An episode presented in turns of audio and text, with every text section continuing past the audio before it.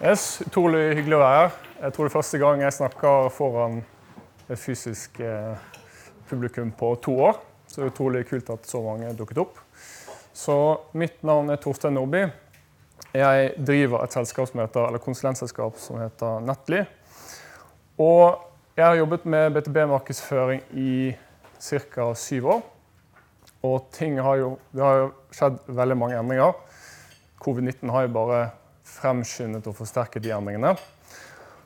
Og jeg har sett på Delvis har jeg sett mye på undersøkelser fra Gartner, som sikkert mange kjenner til. Og så har jeg kommet til å dra litt på dra eh, fra mine egne erfaringer eh, ved, altså, eh, basert på mine erfaringer med å jobbe med BTB.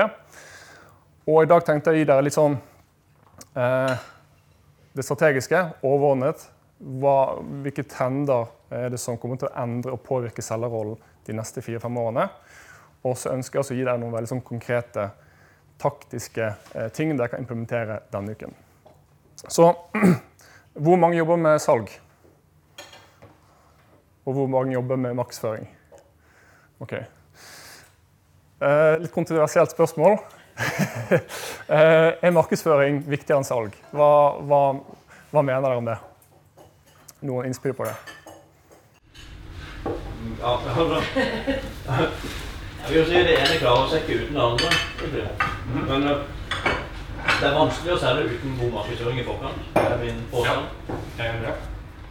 Andre innspill? Jeg tenker at det har endret seg veldig mye. For var det er det sammarknad. Altså, Ordet 'viktigere' er jo målestokken her, variabelen. Og hva skal vi måle? Altså, Hva er viktig? For meg, da, i mitt hode, det er hvor godt er leadet? Ja, Og det er jo ingen tvil om at jo bedre du har markedsført, jo flere impressions vedkommende har før han kommer inn til salg, ja. jo bedre og lettere er salget. Helt enig. Jeg skal ikke avsløre helt eh, mitt svar ennå. Men det jeg kan si basert på mine egne erfaringer Nå generaliserer jeg generaliserer litt, men jeg vil si at på en generell basis så prioriterer norske bedrifter ikke markedsføring. Og hvis jeg ser på forholdet mellom antall selgere og antall markedsførere, så er det ofte sånn 10, 10 selgere til én markedsfører, f.eks. Eller det er 20 selgere til én markedsfører. Og det tror jeg er fordi at én, mange bedrifter har jo ikke sett effekten av god markedsføring. Eh, norsk økonomi har jo gått bra utenom en viss eh, pandemi. Eh, og utfordringen til markedsfører er at det er en del av aktivitetene som ikke kan knyttes direkte til eh, omsetning. Men som du var inne på, eh, selger er jo langt mer effektive eh, med en god markedsstrategi i ryggen. Du får høyere kvalitet på leads. De leadsene vil ofte bli kunder raskere. Eh, kostnad per lead blir, eh, blir lavere. Men hvis vi snur litt på det, så Gartner de gjorde en undersøkelse i 2019. De spurte nesten 810 000 personer. Og hvis vi ser på generasjonene, hva de foretrekker, da sier 44% av eh, millennials, så det er den generasjonen som er født mellom 1980 til 1995. Så det er den generasjonen jeg er medlem av. Jeg er født i 1990. 44% av de foretrekker å kjøpe uten å involvere en selger. Mens for GenX, som er 1960 til 1980, så er det kun 28 Og for eh, baby boomers, som er 1946 til 64, så er det 20 Og litt av poenget mitt er at det er ofte ganske en stor forskjell hvordan bedrifter selger, og hvordan kjøper ønsker å bli solgt til. Og det som vi kommer til å se, i hvert fall i økende grad som når millennials begynner å bli beslutningstagere, det er ofte denne generasjonen som starter nye bedrifter nå, de har litt andre preferanser for hvordan man kjøper. Og dette skaper en utfordring for dere som jobber med salg, for da eh, vil de ha litt andre preferanser eh, når det gjelder hvordan de ønsker å bli solgt til. Så for å gå litt dypere inn på det, hvordan ønsker vi å kjøpe i BTB? Gartner sier kjøpere ønsker å gjennomføre store deler av kjøpsprosessen uten å snakke med en selger. Og det Gartner fant ut, er at så mye som 60 av kjøpsprosessen den er gjennomført før en kjøper engasjerer seg med et selskap. Når jeg sier engasjerer, så betyr ikke det nødvendigvis snakke med salg, men det kan være hvis man har et produkt, software-produkt, så er det å en prøveversjon. Hvis man har en produktkonfigurator på nettsiden, så kan det være et form for engasjement. Og digitale kanaler gjør det veldig mye enklere for oss å finne fram til informasjon om et produkt. Og det Gartner fant ut, er at kjøper bruker bare 17% av tiden i en kjøpsprosess med, til å snakke med en leverandør. Men siden kjøpere snakker med flere leverandører, så får hver enkelt selger kun 5% av den totale tiden. Og da tror jeg at konkurransefortrinnet i de neste årene det vil være å ha den beste kjøpsopplevelsen. Så, så, så den prosessen får man ikke klar over et selskap til man, eh, til man eh, begynner å snakke med salg. De som har den beste opplevelsen eh, i den perioden, de vinner. Og det kommer til å kreve at selgere de lærer seg en rekke nye ferdigheter og teknologier. Så millennials de er mer skeptiske til selgere. Eh, og for å være mer konkret de er mer skeptiske til påstandene de får fra selgere. Og som jeg sa i sted, dette blir et problem når, eh, når denne millennial-generasjonen eh, de som, er de som er beslutningstagere. Og man foretrekker i større grad bevis understøttet av data eller anbefalinger fra kollegaer. Og dette blir bare forsterket av at man foretrekker å gjøre research på egen hånd. Så det tredje punktet fra Gartner. Kjøpere ønsker rike digitale kjøpsopplevelser. Og det er jo ingen hemmelighet at BTB henger etter eh, BTC når det gjelder kjøpsopplevelser. Hvis vi tenker på Spotify, Oda, Netflix, Tesla, Amazon, så er det veldig gode tjenester som gjør det veldig enkelt for oss å kjøpe. Altså, det hadde vært utenkelig for 10-15 år siden at man kunne bestille en bil til en halv million eller mer eh, på nett, men det kan man jo faktisk gjøre i dag. Og vi som forbrukere, når vi eh, bruker disse tjenestene, så går vi på jobb, så sammenligner vi naturligvis eh, opplevelsen vår som forbruker med de litt mindre gode opplevelsene i BTB. Og det vi forventer, er at BTB må eh, begynne å matche de gode kjøpsopplevelsene. Ha like gode, enkle og eh, verdifulle digitale kundeopplevelser. Og det som kommer til å skje og bli vanligere og vanligere, er at mer og mer av kjøpsprosessen foregår i digitale kanaler. Og da vil jo, hvis man jobber eh, på en tradisjonell måte med salg, så får man en mindre påvirkningsmakt.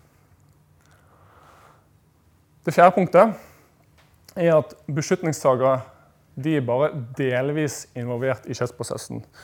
Og alle som jobber med salg, de vet jo det at hvis man ikke har fått med seg beslutningstakere i eh, salgsprosessen, så får du ikke lukket salget som regel. Og Gartner sier at det er mellom seks til ti personer, ikke beslutningstakere, men men, personer som kan påvirke kjøpsprosessen. Og Beslutningstakere vil ofte starte og kanskje avslutte en kjøpsprosess. Men så har du andre roller som påvirker. Så for å ta oss som et konsulentselskap, så har vi en ambassadør. gjerne. Det kan ofte være en salgs- eller markedssjef. De er de som selger vår løsning eh, internt. Og vi selger også en, eh, en, plattform som heter HubSpot, så vi har på to, to på, på det løsninger vi selger. Blokker det er ofte de som jobber i IT eller salg. De vil ha sitt CRM-system. Det er kanskje sikkerhet de er opptatt av. Det er kanskje en manglende integrasjon osv. Budsjettholdet det er ofte CFO. De er opptatt av avkastning, betalingsvilkår på software osv. Og så har du kanskje en markedskoordinator som er opptatt av spesifikke funksjoner i produktet vi selger. Så hver av disse personene de er opptatt av ulike ting. De gjør sin uavhengige research, og de, eh, de leter etter relevant informasjon på ditt nettsted. Så med tanke på at det er flere og flere som er involvert i kjøttprosessen, så øker også kompleksiteten. Så det er vanskeligere å påvirke. Så ser vi også at antall digitale kontaktpunkter det øker drastisk. Gartner forventer at 80% av alle interaksjoner, eller alle kontaktpunkter mellom eh, kjøper og leverandør, det vil foregå digitalt innen 2025. Og vi som kjøper, vi foretrekker å finne informasjon eh, via Google, via sosiale medier, via tredjeparter. Så oppmerksomheten vår er hovedsakelig rettet mot eh, digitale kanaler. Og for å gjøre det enda mer komplisert, så er det også mye av kjøpsprosessen som foregår i det som kalles for eh, dark social. Så det vil si, eh, jeg som driver et eh, byrå, jeg er medlem av en Slack-gruppe som er lukket. Og hvis jeg spør hva er den beste e-signeringsløsningen, så får jeg 10-15 anbefalinger fra kollegaer. Og der er det veldig vanskelig for en selger å påvirke. Så hvordan påvirker dette selgerrollen?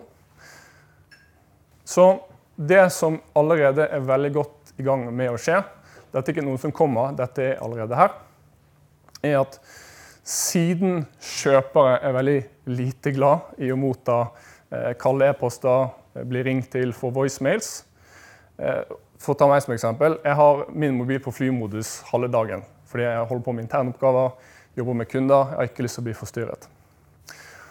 Og hvis vi ser på prospektering, det er allerede nesten helt automatisert hvis man investerer i software. Så Du har en norsk utviklet løsning som heter Strice, du har en uh, løsning som heter Vainu. Da kan du enkelt definere en målgruppe, finne økonomisk informasjon, finne bransjeinformasjon. Du kan si jeg skal ha alle regnskapskontorer på Sørlandet med uh, god likviditet og 10 millioner omsetning eller mer. Så det er allerede her.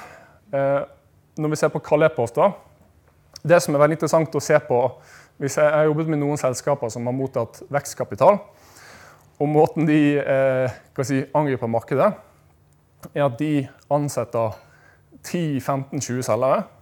Og jeg får ofte innblikk i eh, CRM-systemet. Og det som er på at det er oppskriften deres, de tar en blokk, en e-postmal, som er helt upersonalisert, og så bare sender de ut den til eh, hundrevis av prospects hver dag. Og når du gjør en sånn repetitiv oppgave, så er det ikke noe tvil om at det kommer til å bli automatisert bort eh, av, av, software. Og det er også allerede her. Du kan gjøre den jobben med langt flere, færre selgere eh, med riktig software. Og med kalde telefoner Dette er litt lenger unna, men det kommer etter hvert løsninger som kan lese av samtalen og så gi deg dynamiske forslag på hva du skal si basert på hva den du ringer til, sier. Eh, du, får, du kan på en dynamisk eh, eh, endre hva du sier, basert på om, om mottakeren er positiv eller negativ eller nøytral osv. Og, og tradisjonelle saktaktiviteter vil jo bli mindre effektive. Så når flere og flere millennials blir beslutningstagere, starter bedrifter osv., så, videre, så kan repetitive oppgaver gjøres eh, raskere, bedre og billigere. Eh, man trenger ikke å ha en stor saksavdeling for å, å, vinne nye kunder. Så det vil egentlig gi noe mening. Og mange er kanskje litt skeptiske til det jeg sier nå, men det som jeg tror kommer til å skje, er at selgerrollen om fire-fem år den vil ligne litt mer på eh, en markedsføringsrolle om fire-fem år. Og progressive selskaper de vil gjøre mindre av de oppgavene som kjøpere misliker. Kalde telefoner, kalde e-poster, voicemails. Og så blir det et større fokus på å imøtekomme hvordan folk faktisk ønsker å kjøpe.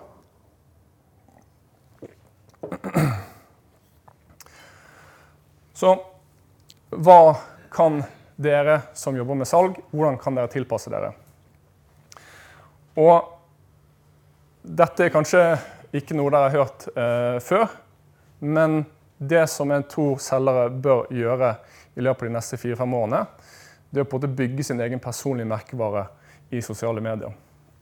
For hvilken verdi har du som selger hvis mange av rutineoppgavene som du gjør hver dag, er automatisert bort av eh, maskinlæring?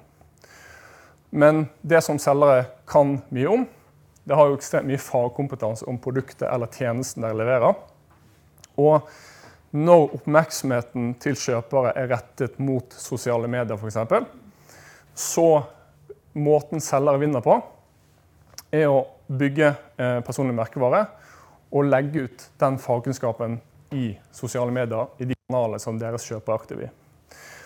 Så istedenfor å kun ha det aggressive fokuset på, på bookemøter og ringe 100, og så får du kanskje noen få positive ja, så fokuserer du mer på å tiltrekke kanskje de fem eller ti som faktisk har en reell intensjon om å kjøpe. Og Det kan være at du er aktiv på LinkedIn, det kan være YouTube, det kan til og med være TikTok. Det er sikkert veldig mange som, eh, som himler litt med øynene. Men hvis vi tenker tilbake på i 2007 Jeg var superskeptisk til Facebook. Jeg tok feil. Jeg var veldig skeptisk til Instagram. Jeg tok feil. Eh, og jeg tror nå om fire-fem år, og de ser denne videoen som blir spilt inn, så kommer dere til å se at enkelte bransjer de kommer til å få masse business fordi de har en god tilstedeværelse på TikTok. Og tenk på det. Hvis du har eh, masse følgere og forbindelser på LinkedIn eller på YouTube eller TikTok, så er du ekstremt eh, attraktiv for en arbeidsgiver, eh, tror jeg. For du eier din LinkedIn-profil, du kan eie din egen YouTube-kanal. Og hvis du bytter, bytter, jobb, men du holder deg i samme bransje, da har du på en ressurs som er ekstremt verdifull for din arbeidsgiver. Og det som skjer, er at selger må bli virtuelle selgere. Jeg mener ikke å, å selge på Teams eller Zoom istedenfor fysiske møter. Men det jeg mener, er at mye informasjon som du formidler i et møte, face to face, det skal du nå formidle i digitale kanaler. Så salg i seg selv endrer seg ikke, men kanalet man selger i, så man går fra et fysisk møte, så kom, så kom telefon, eh, og så kom e-post. Men nå er det selvbetjening i digitale kanaler. Det sosiale medier som er kanal, de kanalene vi selger i. Og jeg tror det at selgere kan sikre seg selv og være veldig attraktiv for en fremtidig arbeidsgiver hvis man bygger en personlig merkevare. Så salgsprosessen går fra primært være gjøres i fysiske kanaler og så legger man til rette som en leverandør for selvbetjening ved å lage innhold eh, rundt spørsmålet som kjøperne deres har. Så du kan velge et medium. Det kan være video, det kan være tekst, det kan være lyd. Eh, og så har, bestemmer du hvilken målgruppe. Så la oss si du jobber innenfor IT, jobber innenfor regnskap og økonomi. Eh, så velger du en målgruppe. Og så må du distribuere dette innholdet i de kanalene som kjøperne er mest aktive i. Og jeg vet at veldig mange litt sånn Å, skal jeg begynne å eh, legge ut innlegg på LinkedIn eller lage videoer på YouTube? Men det som er fint med eh, å lage innhold, er at hvis du lager et innlegg på LinkedIn som ikke fungerer, ingen ser, så er det ingen som ser det. Og du kan spille inn den videoen ti ganger og klippe den slik at den blir skikkelig, skikkelig bra. Så det er bare en liten, veldig lav terskel å komme over, eh, og så er det noe du får veldig mye igjen for over tid. Så tenkte jeg å avslutte med noen veldig konkrete taktikker som dere kan eh, eh implementere allerede denne uken. Som på en måte hjelper dere litt i denne retningen jeg har snakket om i dag. Så det første jeg anbefaler alle mine kunder å gjøre, det er å implementere IP-sporing. For det, selgere bør jo helst prioritere aktive fremfor passive kjøpere. Så IP-sporing det er noe du installerer på nettsiden din, akkurat som en Facebook-pixel for eksempel, eller Google Analytics. Og så får du et liste hver dag på hvilke selskaper som har besøkt nettsiden din. Og du får ikke individet, dessverre, pga. GDPR. Men da kan du fokusere. Så når du begynner dagen og skal begynne å prospektere og begynne å ta kontakt med selskaper, så kan du begynne med de selskapene som har vært innom prissiden, som har vært innom produktsiden, og som har vist, interesse. Så istedenfor at det er en cold call, så er det i hvert fall en warm, warm call, som, som de så fint kaller det. Og så kanskje mitt eh, favorittips. Det er å lage et videobibliotek eh, med en løsning som heter Vidyard. Og YouTube kjenner dere naturligvis til. Men det som jeg synes at flere selgere skal gjøre, dette er nesten ingen som gjør, er at man oppretter en egen YouTube-kanal, faktisk. Så hvis det er Anette et Assets f.eks., eller Heget eh, Dyreparken eh, Dette er en kanal som på en måte kan følge deg gjennom hele din sakskarriere. Og det som er fint med å lage videoinnhold, er at du produserer det én gang, og så lever det liksom for alltid. Så du, du, du legger litt innsats én gang. og Når noen søker på PowerOffice Go versus TrippelTex, eller hva er det beste regnskapssystemet for, eh, eh, for entreprenørbedrifter, så kommer det opp. Så hvis man gjør det i dag, så er det veldig lite konkurranse i, i markedet. Og tenk bare på alle de spørsmålene dere får fra kunder, eller potensielle kunder. Dere får spørsmål, dere får innvendinger, og det kan gjøres om til innhold. Og det som er fint med å bruke en løsning som Vidyard, er at det kan gjenbrukes i deres salgsprosess. Så hvis dere får eh, disse spørsmålene fra en potensiell kunde, så la Vidjar deg Du får bygge ditt eget, eget, bibliotek, og så kan du lime det inn i e-postene som du sender til potensielle kunder. Så dette, dette, er en løsning som du installerer på i Chrome, i nettleseren din, eller på desktop som en, som en app. Og måten jeg bruker det, f.eks. Du gir løsningen tilgang til webkameraet ditt. Og så får du en liten boble i nedre venstre hjørne. Der ser du deg selv. Og så kan du også spille inn skjermen din samtidig. Så hvis jeg skal, eh, hvis jeg skal få kontakt med Anette, f.eks., så finner jeg hennes LinkedIn-profil. Jeg drar den boblen opp eh, ved siden av profilbildet til Anette, og så spiller jeg inn en personlig hilsen eh, til, til Anette. Og det kan jeg også gjøre med tilbud. Så jeg, så jeg spiller inn en, en, gjennomgang av tilbudet til potensielle kunder. Eh, eller hvis noen spør du, hvordan ser dette sosiale eh, medieverktøyet i HubSpot, eller hvordan funker denne funksjonen i TrippelTex, så lager jeg heller en minidemo eh, enn å forklare det eh, via tekst. Og når du har disse videoene, så vil du da kunne posisjonere deg som en ekspert innen ditt eh, fagfelt. Og det vil generere leads. Som sagt, folk foretrekker å finne informasjon på egen hånd. Og da er det ditt ansvar å produsere det innholdet på å imøtekomme eh, måten folk faktisk vil kjøpe på.